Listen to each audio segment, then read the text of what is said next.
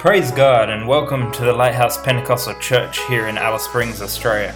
I'm Pastor Nate Gratian and I'm so excited that you're able to join us here this morning uh, for the service. I pray that this morning's message uh, speaks to you, inspires you, and takes you a little bit deeper into a relationship with God. Whenever we open the Word of God or open and open the Bible and read it, we want it to speak to us. We want it to uh, change us just a little bit more and make us just a little bit more like Christ. And so I pray that my prayer this morning for you is that this would do just that. Praise God and thanks again for joining me. Have enjoy the service and have a wonderful, wonderful day. God bless. Praise God. Genesis chapter 12, verse 1 says, Now the Lord had said unto Abram, Get thee out of thy country, and from thy kindred, and from thy father's house, unto a land that I will show thee and I will I will make of thee a great nation, and I will bless thee and make thy name great, and thou shalt be a blessing. Sounds like a pretty good promise. God's God's gonna take me and make me famous. Take me to this land and make me famous. Sounds like uh, what a lot of the world's after today. Verse three, and I will and I will bless them that bless thee, and curse him that curseth thee.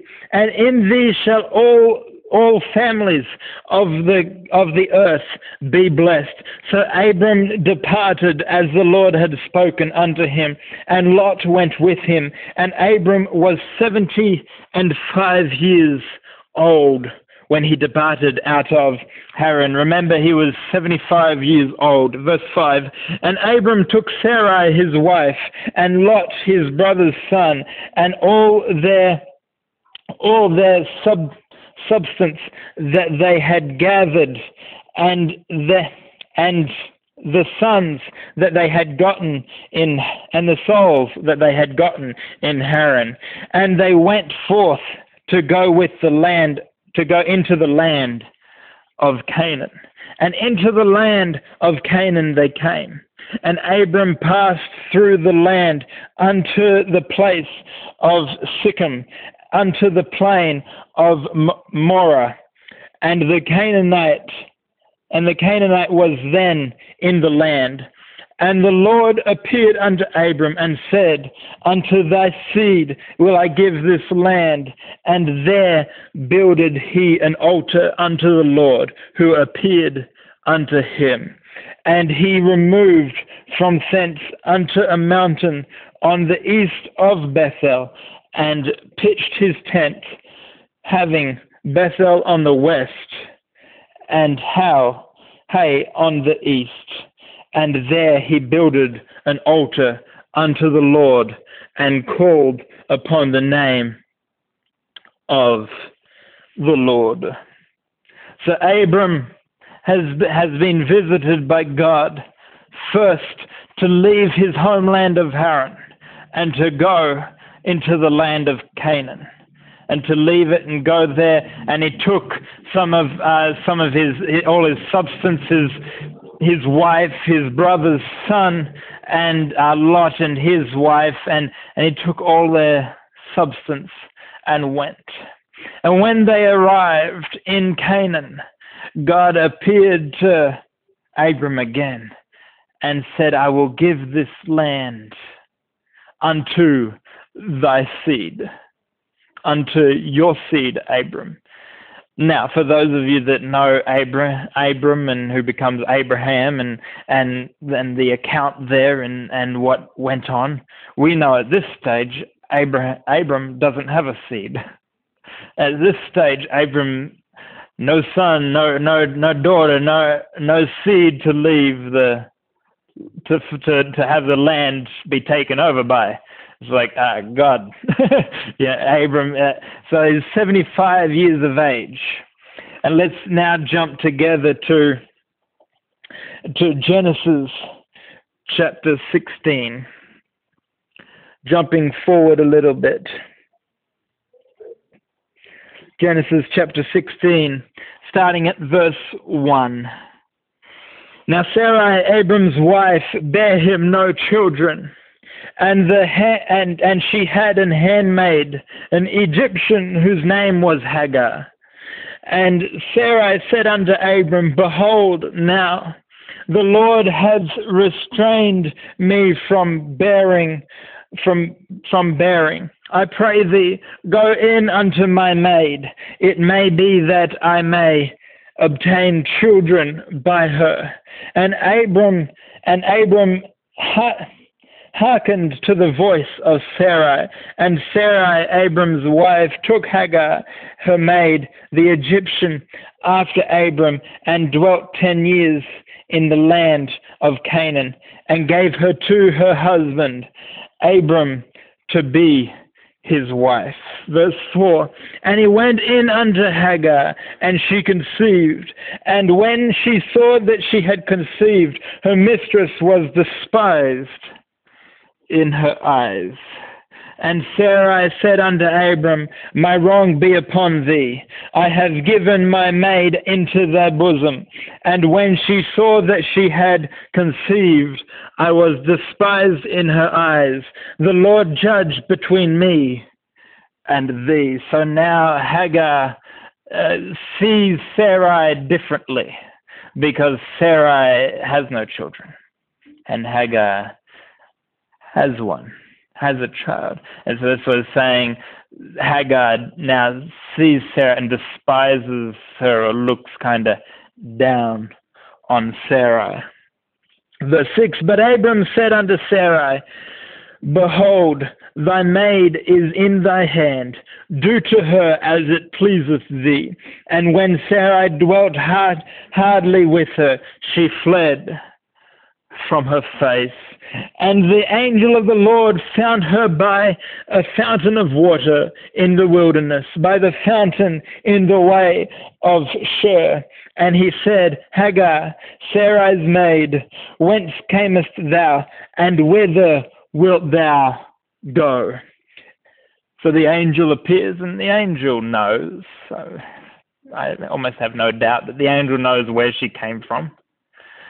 But the angel asks, once the seer response asks, where did you come from and where are you going? where did you come from and, and you're here? Uh, where are you going? And she said, I flee from the face of my mistress Sarah. And the angel of the Lord said unto her, Return to thy mistress and submit thyself under her hands. And the angel of the Lord said unto her, I will multiply thy seed exceedingly, that it shall not be numbered for multitude. And the angel and the angel of the Lord said unto her, Behold, thou art with child, and shalt bear a son, and shalt call his name Ishmael, because the Lord hath heard thy affliction affliction. And that child there, in case we uh, aren't aware, that child there ends up being uh, ends up being the the heir or the future of what's now the Middle East. And we see that conflict between Israel and and uh, Palestine and and every everything going on there. And Isaac, Abram, the father of Israel, and Ishmael, the father of Palestine, Islam, and and all that. You can latch it if you like. Just keep an eye if someone comes to the door. Just keep an eye if someone comes. Um, the father, the father of uh, Palestine and, and Islam, and, and we see the conflict that happens there. My message this morning is quite simple. It's quite simple, and it's simply titled Beware, Beware of Having a Hagar Moment. Beware of having a Hagar moment. You see, Abram, he started out, he had a promise. He started out, he was, he was promised to be uh, to be uh, great, and he is great, and we know him as great, and is the father of faith. In in pretty much every religion, many religions, they call him the father of faith because he, he went on and he and he did all these things as like willing to sacrifice his son Isaac and willing to do all these different things. See, I mean, God says get up and go, and he gets up and goes. Uh, a lot of, you know, we spend a short time, if you look at the years, a short time from chapters uh, 1 to 11 talking about all that creation and everything. There's, there's a short time uh, that covers a whole lot of years, a few chapters that covers a ton of years. And then we get to Abraham and it's like eh, slow mo. And there's just a few there's just a few chapters that covers tons and tons of years involving Abraham in consideration with the first uh, 10 chapters, first 11 chapters of the book of Genesis. But Abram is given this promise. He's given this word from God Go, and I will make you great. Go, and your seed, and then he, I will give you a land which you will dwell in. And he says, but, and then he goes, finds the land, and God says to him there, He says, Your seed.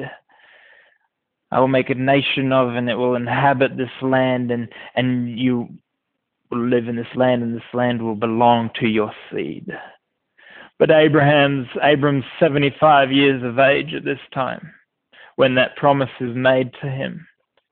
Made him Isaac isn't born for another 25 years.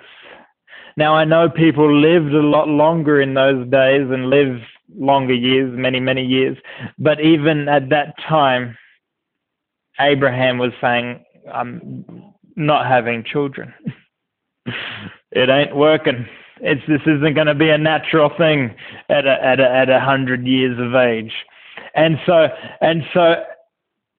15 years roughly into it, or 10, 10 to 15 years into it, Abraham has a Hagar moment. A moment where he decides it's been promised by God, but I'm gonna I'm gonna make it happen. I'm going to make God's promise happen. Now, I'm going to help God out. I'm going to help him out and and uh, give him a little assistance uh, with his job and help him out with it. And we're going to make it happen. And we're going to do it. But from that, well, we're still feeling the ripple effect thousands of years later. Probably about four, over 4,000 years later we're still feeling the ripple effect of the decision that Abram made in that day. In that day. You see, the uh, there's there's things that we must understand when it comes to promises from God. God understands we have limited time. God knows the average age that we're going to live to and expect to live to. And so God knows our beginning from our ending. God knows when our time here is done. And He makes those promises according to that time. He understands all that. He understands time for us, but we must understand time for God. And that, that there is no time. for God. God exists outside of time, if your mind can fathom that. Uh, God doesn't have AD and BCE and, and, and, and all this. God just has forever. If you draw a perfect circle, you should not be able to tell me where it started and where it finished. That's God. you cannot tell me where it started and where it finished. God didn't start at creation. When when the world was created, God wasn't created. God was, always has been, and always will be. God created the world. And so God exists out of time. And so we must understand that his promises are with an understanding of our time frame, but still run on his time. There was an understanding that, hey, I know if I'm promised something, this person's not going to be walking this earth forever. Well, this is, yeah, I under, he understands all that. But they are on his time frame. And so we must understand what is a promise? What is a promise? When a promise is made, this will help us, if we understand a promise, it will help us to avoid having a Hagar moment, having a moment that can destroy things. And I'll let you know there's different levels of Hagar moments. Abram's was big, in case you're wondering. that was a big one, okay? That was a big one. And God doesn't, God won't break the laws of nature that is set in place. So you break some of those laws. God can, He can bail you. He can pull you out of a situation that you put yourself in. But he doesn't always do that. He doesn't always do that. Okay, Abram put himself in that situation. So, so our Hagar moments can have different sizes and thus different levels of consequences. But if we can understand what a promise is, because the, the Bible is riddled with God's promises for us full of God's promises for us. If we can understand what a promise is, then we can possibly avoid some of these moments. uh, the dictionary says a, a declaration or assurance that, some, that one will do something or something will happen. Second Corinthians says uh, in, in chapter 1, verse 20 says, The promises of God are yea and amen. I'm very slow to use the word promise, especially with children. Because if you promise them something, or if you promise something, something, you then, you have to do it. You should do it. All right. Promises, I'm very slow to say, I promise I'll do this. I'll often say, I'll get to this when I can, saying it's going to happen, but I, I, yeah, time frames and things, promises, promises, they will happen. Now, our experience with mankind, sometimes we cast that shadow over onto God. Who's ever had someone promise something and it not happen? I have. You know, yeah. We've all probably gone through that experience of having something promised and then it not happen. Um, you know, whether it was as a child or as an adult, something's promised and then it doesn't happen. And then we read scripture that God says, I'll never leave you nor forsake you. I'll bring you to an expected end. I'll, I'll, I'll guide you. I'll lead you. I'll, I'll, I'll protect you. I'll keep you safe. I'll, I'll do all these things. There's one promise after another. Uh, my mercies are new every day. My grace is sufficient enough. There's one promise after another, and we're like, really? we're like, really, God? Uh, and we kind of take that shadow from our experiences and portray it onto God. And portray it onto God. Even things that God that are specific to us, not things just in Scripture, but God says, I promise. Or God says, This will happen. This will happen in your life. I will do this for you. I will provide this for you. I will take care of this situation for you. Uh, these, these promises that are more specific to us as individuals that's where it gets a bit more dangerous. A bit more, a bit, the, the seas are a bit rougher there because then we begin to cast it. Really, God? Really, God? But the scripture says, and I don't, I can't really reiterate it more than this, that the promises of God are yea and amen. Yes and amen. Yes, full stop, end of story. The promises of God, they will happen. They're guaranteed to happen. It's going to come to pass these promises, these things that God's given in Scripture. Now, if God's given you promise, a promise uh, in your prayer time or through a sign or something, if, if it's of God, it will come to pass. It will happen. Those promises will happen. They will come to pass. Don't don't cast the shadow from experiences of mankind and humanity letting you down onto God. It will. It will come to pass. It will come to pass. So those let's see who's involved in a promise. Okay? Let's see who's involved in a promise. There's the promise giver. Okay? There's the promise giver. There's the promise recipient. I like receiving promises, especially from God, because they're guaranteed. They come with a guarantee, okay? Unlike a lot of 30 day money back guarantees, those aren't necessarily true. okay? God's promises are true. Okay? They will come. So, God's the giver, I'm the recipient. Any, any, anything else? I can almost guarantee you there's people around that will be affected by that promise. By that promise. Hmm. God says, Abram, go to a land that I'll show you.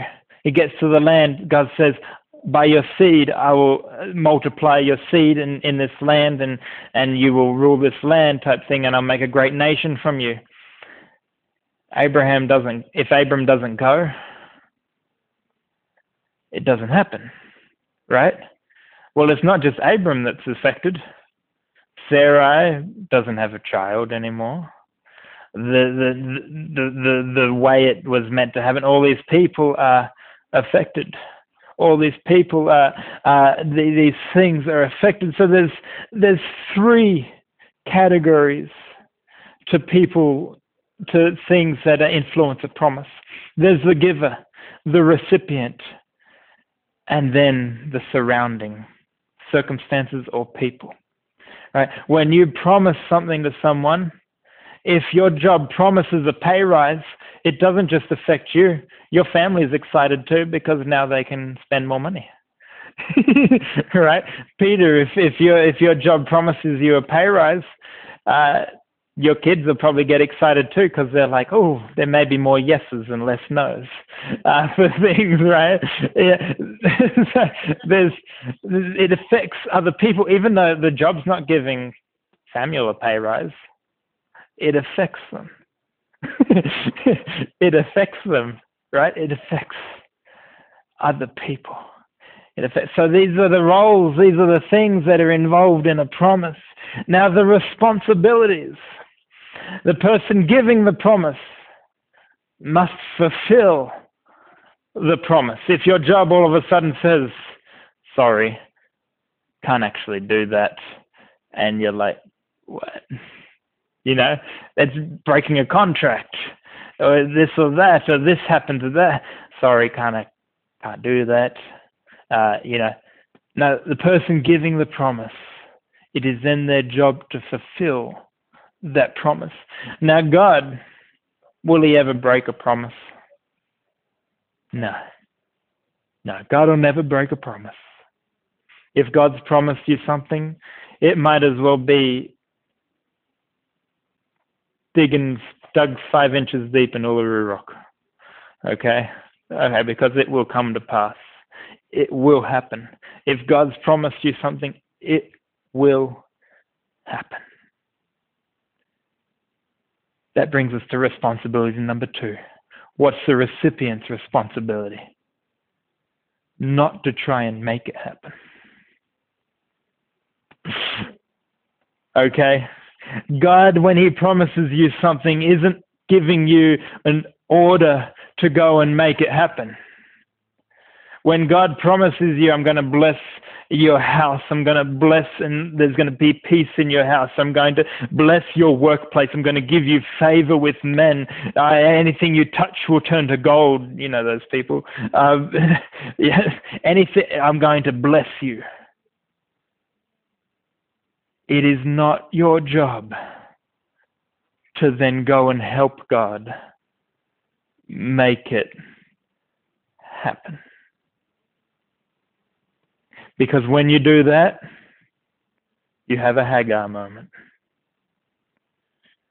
You see, Abram, like 10, 15 years ago, said, he's like, God promised me a seed that's going to take over this land. And I don't know if he sees, but I'm getting older. And it's going to be impossible soon. And so, so I'll, I'll make it, I'll make it happen. This is really the only way. Who's ever used that to justify something? There's really no other route. I can't see God with any other option. This has to be the way God wants it to happen. And so we, we help God and we, we make it happen. Now, if I tell you I'm as guilty as the next person, okay, of trying to put my hand in in things and and make it happen. When God gives a vision or gives me a vision for something or a promise for something and says this is this is what I see I'm like yeah do it. Let's make it happen you know but then I you do have to realize hold on. If I get involved it's not my job to make the promise happen if I promise Peter fifty dollars I want him to wait till I get to the ATM to go get 50 bucks out and give it to him. I don't want him to break into my house and steal $50, even if that's the only thing he stole. But that's kind of like what we're doing when God promises something. Like, God, you're taking too long. Let me help you. let me kick let me kick down your domain and, and come in and help you out and then and we'll take care of this and then you can have it back again.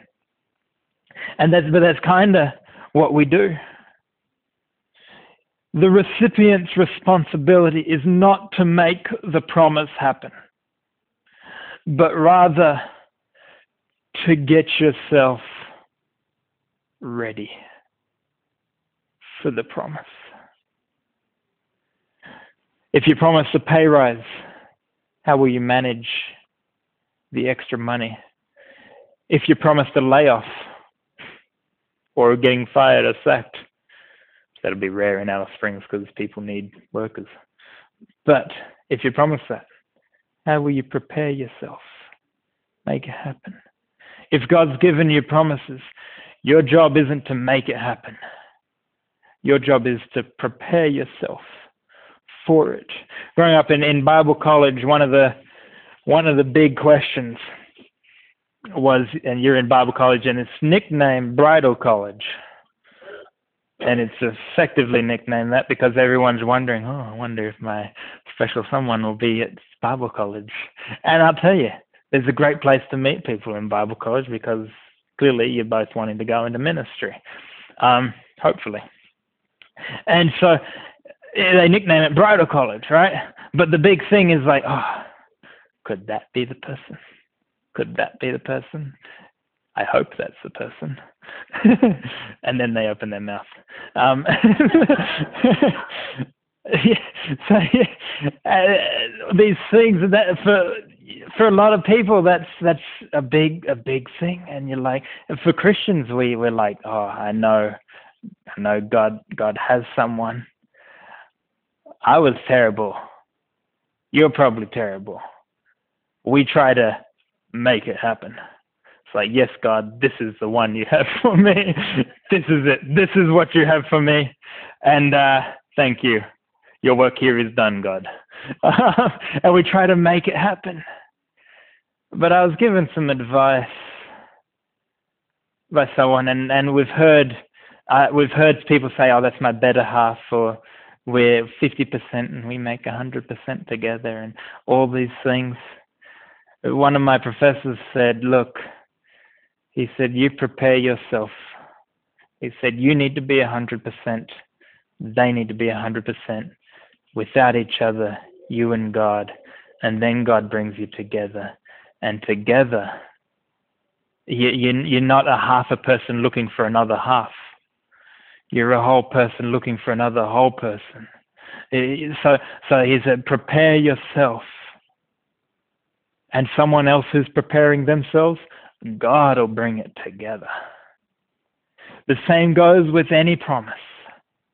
When you prepare yourself, whether it's with your job, whether it's with study or education or whatever it may be, when you prepare yourself, God will see when you're ready and we'll bring it. I'll tell you the quickest route to your promises from God being fulfilled is getting yourself ready for that promise, preparing yourself for that promise. It's not going to be like, that's that's why God sometimes is that's why it can be seeming like God I, I need a sign I need a promise I need I need something that I can work towards.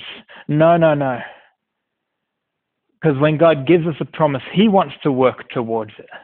And he's giving it to us so that we can just prepare ourselves for that promise not so we can go and make it happen but we prepare ourselves for that promise for when it will happen.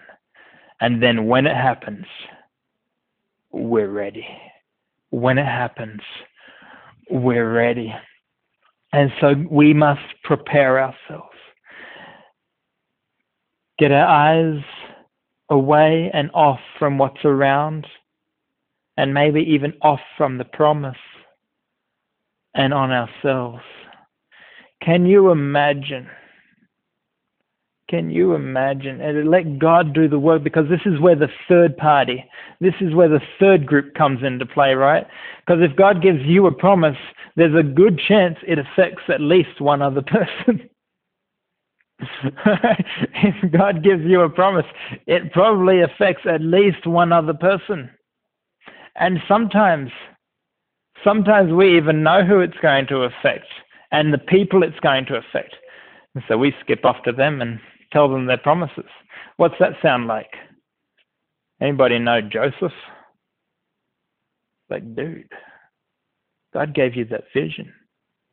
I don't know if there was another route or not, but there may have been a calmer route other than a pit and slavery. But you had to go and tell, look, look at the promise God's given me. You're all going to bow to me. like, really, Joseph? Um, Really? yeah. So your promise will affect other people. But let God deal with the other people. Can you imagine? Mary gets visited by Gabriel, right? Says, You're pregnant, you're going to have a son. And you'll call his name Jesus, right? And before the angel can get to Joseph, Mary's up out of bed, running over to Joseph's place. Joseph, I'm pregnant. I'm going to have a baby. Joseph be like, with who? He'd be like, say what? You'd be like, what? What? He'd be like, how did this happen? And end of relationship, I think, and Mary's off to get stoned, according to Jewish law. Okay? But Here's how it works the angel comes to Mary, delivers the wonderful news of the baby Jesus. And then an angel goes to Joseph and delivers the news to him, thankfully, pretty quickly. I'm guessing it was pretty quick. I don't think there was like a year's space in between because they were planning on getting married pretty quickly. But you see, that's God's role. It's not our role to go and tell other people, hey, this is my promise. And by the way, it involves you, and you're going to be affected by it. That's not our role. That's not our role. We are privileged to receive promises from God. We're privileged to receive feelings however God may speak to us. We're privileged to receive those but it's for us to take. And it's for us to prepare ourselves. Mary, Mary was a special woman. Mary was a special woman. When Jesus said, Know ye not that I must be about my Father's business? What did Mary do? Scripture says she took these things and she pondered them in her heart. She pondered them in her heart. You see, the promises of God, they're given to us, they're given to you, they're given to me, so that we can prepare ourselves for when that promise will be fulfilled. not so we can go blurting it about and telling telling everyone. That will lead to a Hagar moment. Okay? And one like I said, variances and consequences and stuff like that. Thankfully for Abram, his Hagar moment, yes, while drastic and huge it was, didn't destroy the promises of God, even with all our moments, whether they be blonde moments, senior moments, or Hagar moments, okay? Even with all our moments, the promises of God will come to pass if we can still get around it. Uh, if we can still prepare ourselves after going through the consequences, after going through those things. Isaac was stillborn. Abram's name changed to Abraham. Sarai changed to Sarah. They're known as the father of faith. From his line, Isaac was born, Jacob was born, uh, and, and, and, and Israel as a nation was birthed. And so if you're thinking, oh, well, I had a promise, but I've probably had a lot of moments and the promise hasn't come to fulfill yet, well, it's okay. If you're thinking, oh, I've told a lot of people, it's okay. And you can tell some people, seek seek counsel with the elders, with the with the wise. Seek counsel. There's wisdom in that. But if you have a promise from God, I urge you, slow down, slow down, and just prepare yourself for it. Just prepare yourself for it. This church has been promised and prophesied that it's, it'll be filled. What's the quickest route to it? We prepare ourselves for it. We prepare ourselves for it. And we got to get things in place and get things ready, even though it may not happen. Just even though it may not happen like now, we get things ready like it's going to happen. Elijah sent the man up the mountain, sent his servant up the mountain to check, is there any cloud? No cloud yet. Go again. Any, no cloud yet. He kept looking for a cloud. And then eventually a small one about the size of a hand appeared. So when you prepare, when you prepare yourself, your promise, you'll begin to see it come into fruition and fulfillment. But you must, you must prepare yourself. Let's stand together this morning.